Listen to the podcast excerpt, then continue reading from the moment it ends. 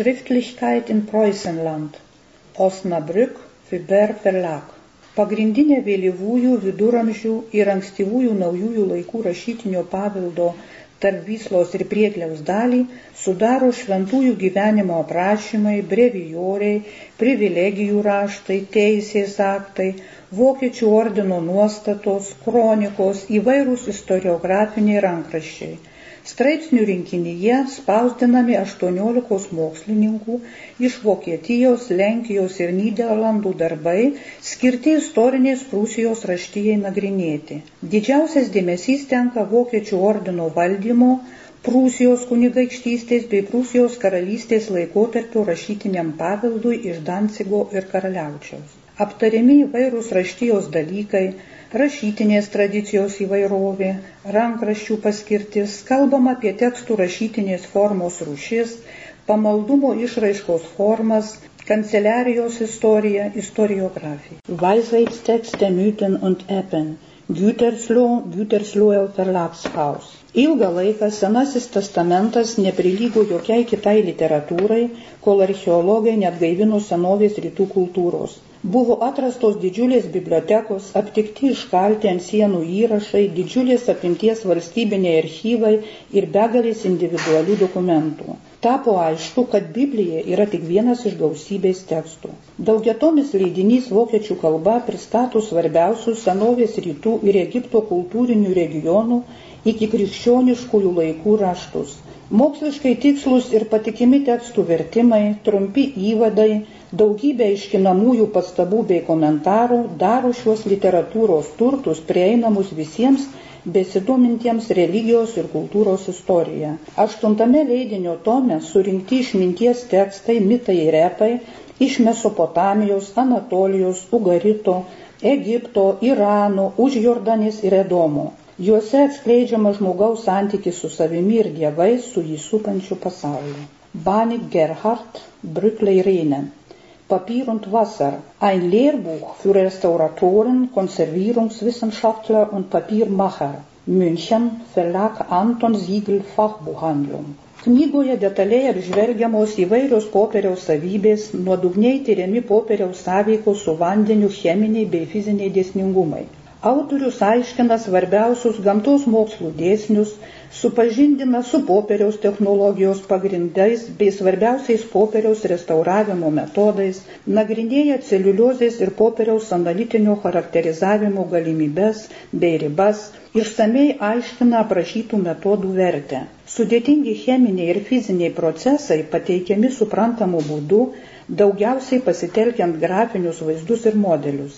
Todėl šią medžiagą savo praktiniams darbams lengvai gali pasinaudoti specialistai. Knygą praturtina išsamus glosarijus bei skaitmeninio vaizdo diskas. Diapokryfen der Lutherbibel. Einführungen und Bibeltexte. Stuttgart Deutsche Bibelgesellschaft. Apokrifai - tai hebrajų šventojo rašto graikiškojo varianto septagintos istoriniai bei išminčių tekstai, neįtraukti į kanoninės Biblijos knygas. Juose atsispindi dvasinis ir religinis žydų gyvenimas prieš pat Evangelijose aprašytus įvykius. Martinas Liuteris vertino apokrifus. Tai knygos, kurios nėra tapačios šventajam raštui, tačiau yra naudingos ir lengvai skaitomos. Jos jau buvo įtrauktus į jo 1534 metų Biblijos vertimą kaip atskiras skyrius tarp Senojo ir Naujojo testamentų. 2017 m.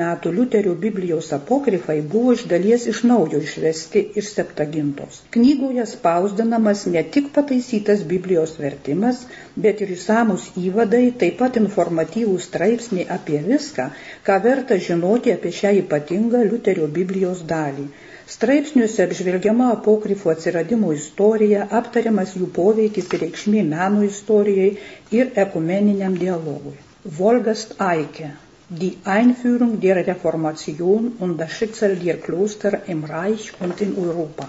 Gütersloh, Güterslohe Verlagshaus. Knygoje nagrinėjamos lemiamos prielaidos, leidusios reformacijai plisti imperijos teritorijos ir kitose Europos šalyse, apžvelgiama reformacijos įvedimo metu kunigaikščių vykdyta vienuolynų sekularizacija. Autorius daugiausia dėmesio skiria veikėjams, kurie inicijavo reformacijos įvedimą arba ją vykdė atitinkamoje teritorinėje ar valstybinėje aplinkoje. Ypač autorių domina konkrečius politinius sprendimus priimdavusių asmenų, kuriems kiekvienu konkrečiu atveju patarinėjo teologai ir teisininkai veiksmai. Remiantis žinomų šaltinių analizę, reformacijos įvedimas aiškinamas kaip valdžios inicijuotas bažnytinio ir religinio gyvenimo pertvarkymas, atsižvelgiant į teisinės ir regioninės politinės sąlygas, o skirtingi šios pertvarkos tarpsniai nagrinėjami atsižvelgiant į jų reikšmingumą reformacijos judėjimui. Knygos pabaigoje pateikiamas išsamus šaltinių ir literatūros sąrašas. Klare, Kai Achim. Imperium Anteportas, die deutsche Expansion in Mittel- und Osteuropa zwischen Weltpolitik und Lebensraum 1914-1918. Wiesbaden, Harasowitsch Verlag. Pirmojo pasaulinio karo metais Vokietijos imperija siekė dominuoti Rusijos užkariautose teritorijose vidurio ir rytų Europoje.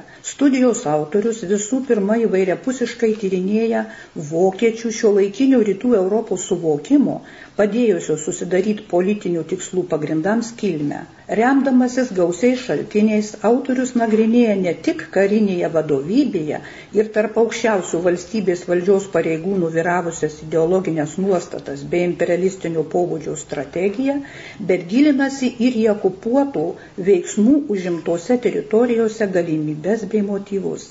Tuo pačiu metu tyriant ir centrą, ir periferiją, jam pavyko atskleisti abipusę Vokietijos ir okupuotų kraštų visuomenių sąveiką. Knygoje ypač daug dėmesio skirta vietos politikai Baltijos šalyse. Studijoje panaudoti gausų šaltiniai, nurodyti šaltinių ir literatūros sąraše, pateiktos asmenvardžių, vietovardžių ir dalykiniai rodiklės. Agripa von Nettesheim, Heinrich Cornelius, die magischen Werke und weitere Renaissance-Traktate. Wiesbaden Marx Verlag. Gydytojas, teisininkas, teologas ir filosofas Henrikas Kornelijus Agripa iš Netesheimo surinko ir susistemino visą antikos ir viduramžių vadinamųjų slaptųjų mokslų, alchemijos, astrologijos, magijos, būrimo ir kitą paveldą. Jos svarbiausias veikalas De Akulta filosofija tapo pagrindinė renesanso magijos ir apskritai naujųjų laikų okultizmo knyga. Tai tarsi visų senųjų okultinių žinių patekusių per Romos imperiją į krikščionišką Europą santrauką, atspindinti senovėje vyravusią pasaulyje žiūrą žinias apie pasaulio sąrangą. Šis vokiškas leidimas papildytas daugybę renesanso epochos traktatų šią tematiką bei pratarmę, kuri supažindina su ankstesniais Agripos darbų tyrimais bei gausia nauja literatūra.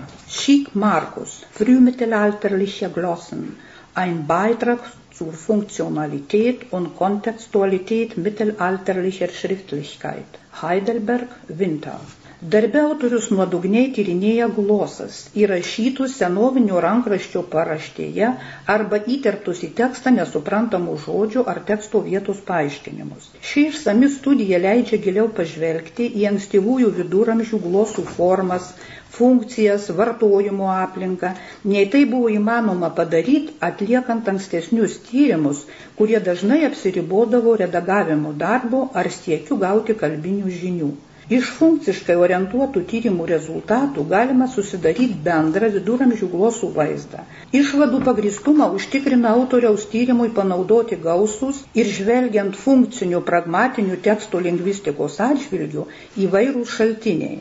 Vienuolių mokymui, bibliotekoms, skriptoriumui, privačioms studijoms skirtos glosos. Galiausiai autorius taiko savo modelį gausiai komentuojamai Evangelijų knygai. Studijos pabaigoje pateikiamas rankraščių bei dalykiniai rodiklės, lentelių sutrumpinimų bei literatūros sąrašai.